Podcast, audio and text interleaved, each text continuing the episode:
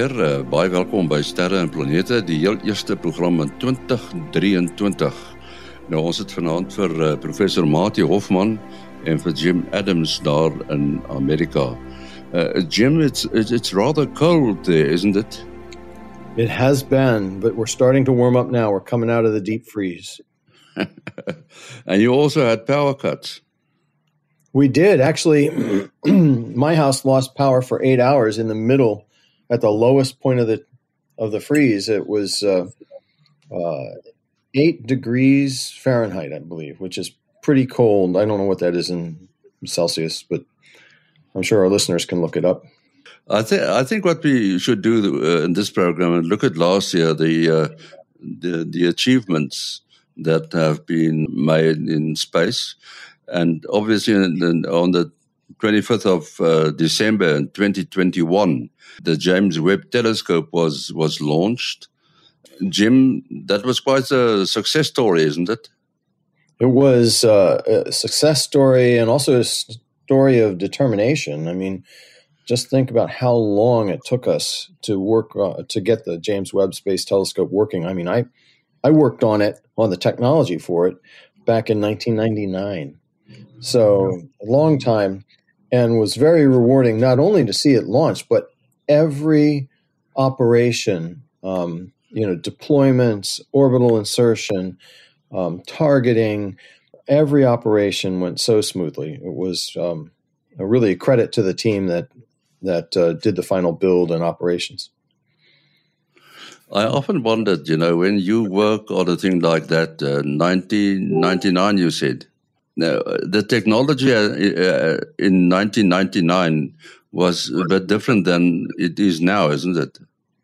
Oh yeah, it was. In fact, that was what I was working on. Was we were trying to figure out what would be the future of mirrors in space beyond what we knew already, which was the Hubble Space Telescope mirror right? And uh, that's of course monolithic, and it's ground out of a single piece of glass. And of course, it was ground wrong, but we fixed that. Uh, the James Webb Space Telescope, in order to make it larger, needed to be very much lighter, and uh, we needed to be certain that we could tune it, um, adjust it, uh, because there was no going back to it. Uh, where we were sending it in space, there's no chance of sending humans out out that far. And so it took us a long time, but we were thinking forward. We were trying to push the envelope of mirror technology at that time to try and see where uh, we could take a mirror into space uh, in the time frame that it would take to develop the mission, which is unusual for NASA. Normally, what we do is we say, okay, here's the technology we're going to use. We're not going to invent anything more we want everything to stay on track and and so oftentimes when a mission flies it flies with old technology because it takes 5 years or so to build a mission.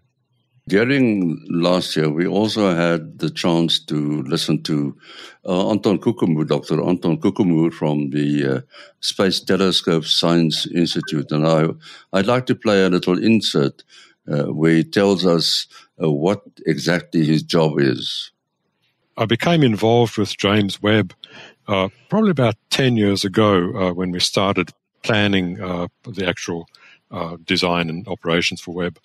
And I'm in the NIRCam team on James Webb at the Institute. So NIRCam is the main imager on, on the James Webb. Uh, main, in fact, all of the images that were released this week uh, were taken with NIRCam.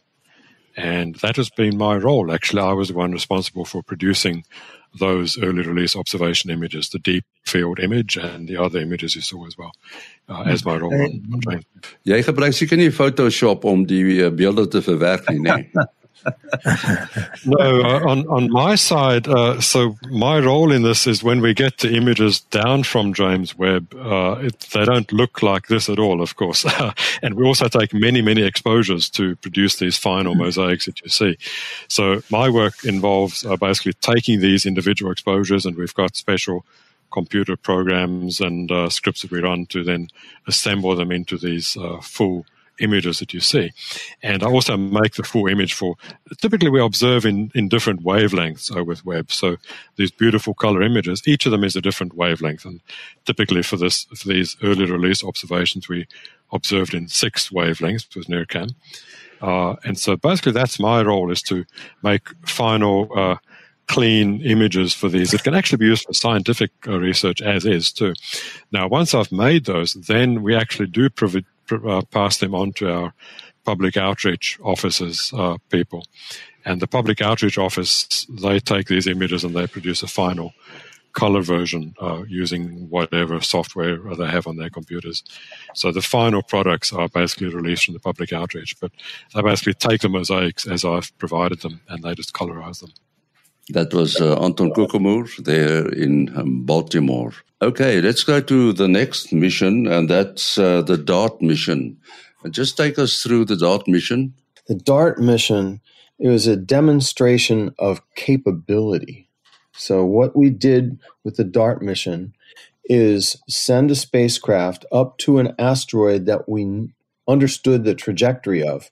Turns out this asteroid has two moons, and what we were able to do was to send an impactor into one of the moons and um, slow it down.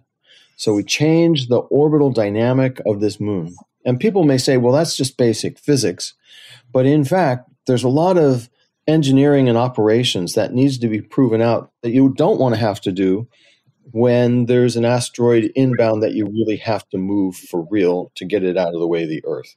And that's really what the dart mission was about was to prove that we could actually move an asteroid um, that was inbound that could possibly impact the earth yes the big question obviously is uh, it uh, took quite a while to, to set up this uh, mission and whether one would have enough time when you know about an inbound asteroid. Yeah, that's right. And so that's actually, as we've mentioned a couple of times here on Stera and Planeta, was um, the reason I came to South Africa the very first time was to set up a telescope in Sutherland that would watch the skies every night uh, looking for inbound asteroids. And it matches, it has a sister in Hawaii, actually has two sisters in Hawaii, that are looking while South Africa is in daylight, they're looking, they're in nighttime and they're looking at, at the night sky as well. So we're constantly looking for asteroids that could be inbound. Jim, this is a very creative uh, mission uh, in terms of uh, the choice of target and the way to determine a very small if, uh, effect of the impact. Uh, that's uh, an excellent example that one can discuss with first year uh, or even up to third year physics students. Uh, right.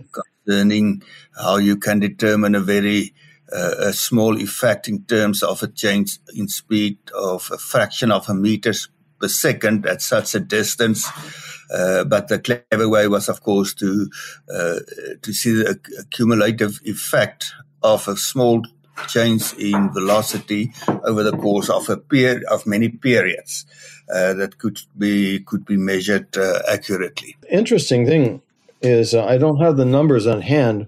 They wanted to change the period of this moon of the asteroid um, by a few seconds, and um, they ended up changing it by 30 or more seconds uh, of that order. So a lot more than they expected.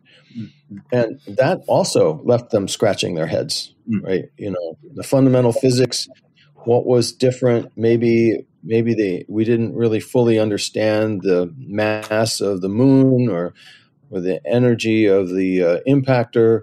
So um, that's also an important uh, finding you know that uh, that they moved it more than they had expected, quite a bit more than they had expected. Yeah, and w- one of the things that the listeners can be really proud of is that the telescope that I mentioned produced a video of that impact, and so that's out on the uh, uh, out on the web. Uh, you can find it. Maybe I'll post it in the Facebook group. Um, but yeah, that uh, the Atlas telescope in Sutherland was the prime watcher of that uh, that impact, uh, hmm. and we got a really nice video. Uh, Jim Justin, a question which is a little bit out of the field of, of science and engineering, but which is uh, relevant for achieving the scientific or engineering uh, objectives, is looking at, at, the three projects that we have uh, uh, uh, uh mentioned that we still have to to get to the Artemis from a project management point of view and human resources point of view.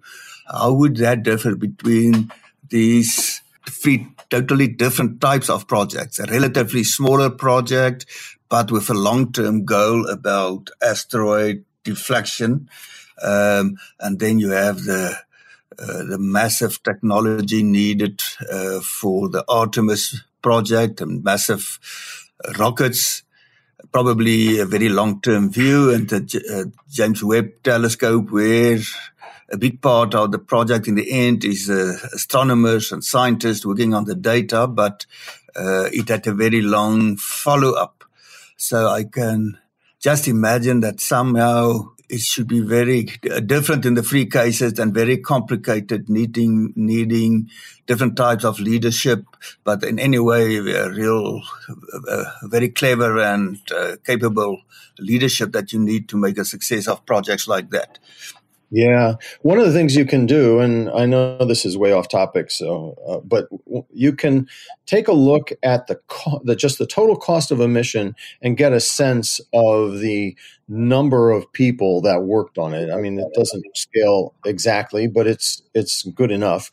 And so, if you look at the DART mission, the DART mission cost three hundred and twenty-five million dollars. Seems like a lot of money, but they uh, the James Webb Space Telescope cost ten billion dollars. So that's uh, an order of magnitude more plus, or so. And then the Artemis mission, which was unmanned, was ninety three billion dollars. So it's uh, just get a sense of how many people and how much effort was went into each one of these things just by the by looking at the bottom line cost of each of those missions. So we did we did the DART mission, which impacted the asteroid on a shoestring, comparatively speaking. Uh, so just an uh, interesting point. Uh, in the case of the James Webb uh, Space Telescope, an important parameter is the reception area of the of the primary mirror, which is around uh, 35 square meters. And if one uh, think about uh, that you purchased and or built, uh, you a very interesting number is to ask how many uh, rand or dollars that it cost per square meter. Now in South Africa, I think you may end up with something like 10,000 rand a square meter uh, on average. If you do that calculation based on the most important area of the James Webb uh, Telescope, uh, you, you end up with something like $300 million per square meter. Okay, let's talk about uh, another event that was uh, important uh, for South Africa, and that was uh, it centers now around the little town of Matjiesfontein.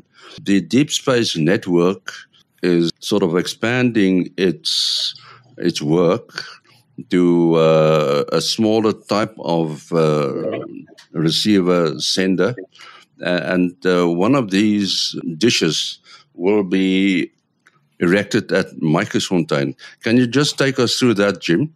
The Deep Space Network, which, uh, as Henny has mentioned, has these big antennas at three spots around the world California, Madrid, Spain, and um, I always forget the name of the town in Australia, uh, Canberra, uh, Australia, um, because they're equally separated around the globe, and uh, and we have identical antennas there, and um, the systems can be remotely operated, but there's still staff to do maintenance and that sort of thing. But it's always fully subscribed. There's always more requests for time on the antennas than there are than there is time, and uh, that's because planetary science. I'll pat myself on the back. Got really good at launching missions to Jupiter and Pluto and um, Mercury and beyond, and DART and all that kind of stuff. So um, there's always more um, requests for time on the antennas than there is time available. Well, enter the Artemis program. The Artemis program will be sending humans to the moon, and they want to have connectivity uh, routinely uh, with the moon. And turns out that there's a little bit of a hole in the um, in the trajectory. Plus, they need more antenna time, and the best place to put the antenna in the southern hemisphere was in South Africa. So, after some negotiation with the South African National Space Agency, NASA and SANSA broke ground last month on uh, on the installation of a new antenna that would feed the deep space network uh, specifically to serve the uh, lunar missions, the manned lunar missions, um, and the Artemis program. Um, of course, they may be able to use it for other things as well, but that's its primary purpose is to support the moon exploration. Right. We, we spoke to uh, Badri Younes from NASA about this dish that's going to be put up in Matjiesfontein. I am the uh, Deputy Associate Administrator. I have uh, overall responsibility for all space communication and navigation uh, for NASA. This includes the technology development, the ser- operation of our infrastructure, as well as the fre- managing the frequency spectrum and the data standards. Badri, why was Matjiesfontein chosen for the site? NASA, in uh, determining the best location uh, for its uh, future sites for uh, its ground station to support the Artemis program and the lunar activities in and around the moon, we've commissioned um, a study, a joint study between our NASA engineers and the SANSA engineers. They are super duper uh, capable, you know, uh, microwave engineers. They looked at the terrain, they looked at the availability of power, the availability of the worldwide uh, net, and the, you know, the fiber cable nearby, water, and uh, the close proximity to you know to to cities because we worry about interference coming uh, from uh, you know the commercial usage of the spectrum. So they determined this is the best location. The you know the place is pristine, far away kind of from civilization, and uh, you know at a certain elevation that provides us a very healthy channel for Ka band communication as well as future uh, laser communications. Is is this part of the deep space network? No, no. This is going to be a subnet dedicated to uh, lunar activities and uh, supporting the Artemis mission. Now, in the future, as the Moon to Mars uh, program evolves on our journey from the Moon to Mars, this will this place will grow to have deep space kind of capabilities. But for now, it's still deep space, but halfway between here and the actual deep space. And uh, and who is going to run uh, this station? Well, you know, we've we have a, a good partnership with the with SANSA. We expect SANSA to take care of the operation and maintenance, and we are in the process of concluding um, a country to con- country agreement as well as uh, a contract uh, you know, of a sort, the contract language that will deal with the operation and maintenance of the station. We are talking um, uh, parabolic dish.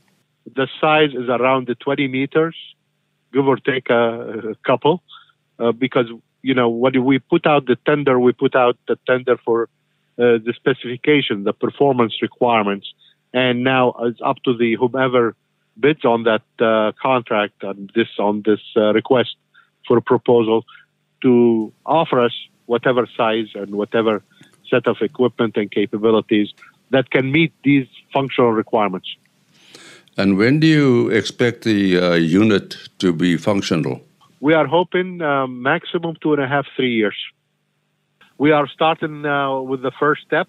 We are uh, signing uh, a letter of intent that NASA intends on, uh, you know, proceeding with the build-up of the ground station and SANSA is proceeding with uh, ensuring the infrastructure is available to provide that support. And that was Badri Younes. Let's talk about the Artemis mission. That was a huge mission and very successful. Jim? Amazingly, it was the launch of the world's largest rocket as well. Um, of course, we went to the pad a couple of times, dealt with hydrogen leaks and a few other things. Um, but we went when it was time, and um, we demonstrated that we could launch this um, space launch system, SLS, we call it. And then on top of that, we put the um, Orion space capsule. And the mission of the Orion was to head out to the moon and demonstrate orbital insertion and return. So the entire mission, without human beings, from from launch in Florida out to the moon, orbiting, coming back, and splashing down, was demonstrated by Artemis One. The next mission will be with human beings, and that won't be until 2024, I believe. But um, that's uh, that's very exciting that the technology went so well. The design was nearly perfect, and um, and uh, gave us the confidence that we could move forward with future space flights. Uh, Jim, just a question. Um, uh, the total Artemis project, well, we know it will take uh, place over time because they want to uh, uh, establish a permanent presence on the moon uh, and so on. how far do they think? Something like 20 year project or even longer than that?